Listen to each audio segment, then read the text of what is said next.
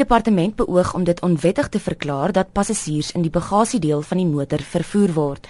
Nog 'n voorstel is dat swaar voertuie wat meer as 9 ton se vrag dra, nie gedurende spitsverkeertye in beboude gebiede op openbare paaie mag ry nie.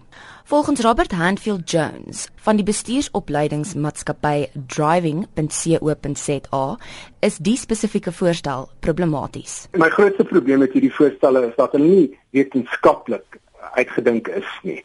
As 'n mens byvoorbeeld na die wetgewing wat die wêreld om ten opsigte van spoed daar gestel is, is die onlangse neiging dat spoedperke in stedelike gebiede afkom, maar spoedperke buite stedelike gebiede opgaan. In hierdie geval het ons 'n uh, afname in die spoedperk in alle gebiede gesien. Dit is nie 'n stap met moderne denkpatrone ten opsigte van spoedperke nie. Daar is byvoorbeeld in 2006 deur BMW 'n studie gedoen en as deel van daai studie het hulle na die autobahns in Duitsland gaan kyk en hulle het bevind dat tydens die studieperiode het die gemiddelde spoed met 10 km/h opgegaan en oor daai selfde tydperk het die sterfte getal met 65% afgeneem.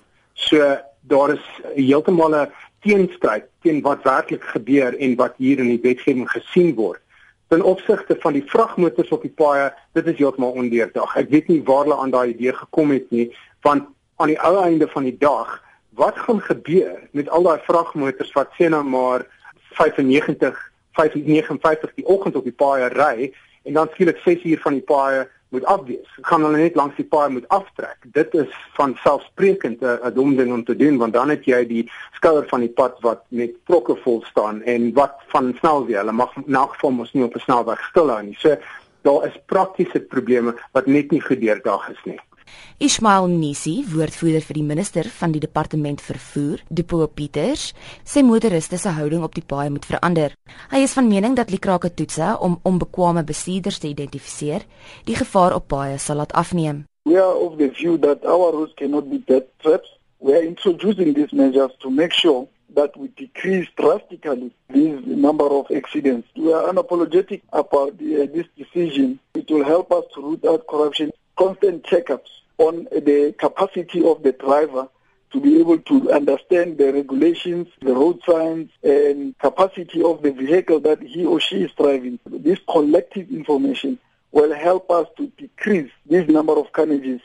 Hy sê beamptes sal die krake toetse by motoriste versoek, maar dit is die regering wat uiteindelik besluit of motoriste hulle lisensies mag hernie of nie. The idea with these rules is to make sure that whoever that is given that right to drive that vehicle is in a capable position to drive that car.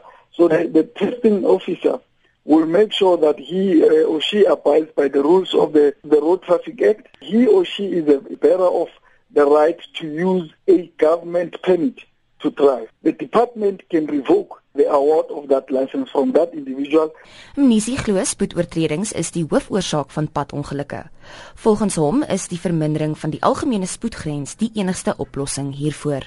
If we reduce the speed limit, surely it has a direct impact on the carnages on our roads. The reduction of speed is one of the deterrent measures. Die publiek het 4 weke geleentheid om hul reaksies, vrae en voorstelle rondom die saak aan die departement van vervoer te stuur.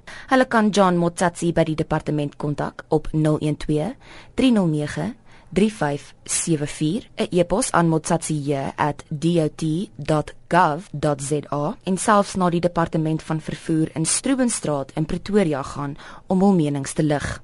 Intussen sê die AA se woordvoerder, Leighton Beard, hulle bestudeer die verslag aandagtig. Op hierdie stadium is die AA besig om die regulasies van die departement van vervoer te bestudeer. Sodra ons klaar is om dit te bestudeer, sal ons kommentaar lewer daarop. Daar is verskeie regulasies wat voorgestel is deur die departement van vervoer. Ons wil eers noukeurig daarna kyk. Dit was Leighton Beard, woordvoerder vir die AA. Ek is John Marie Verhoef in Johannesburg.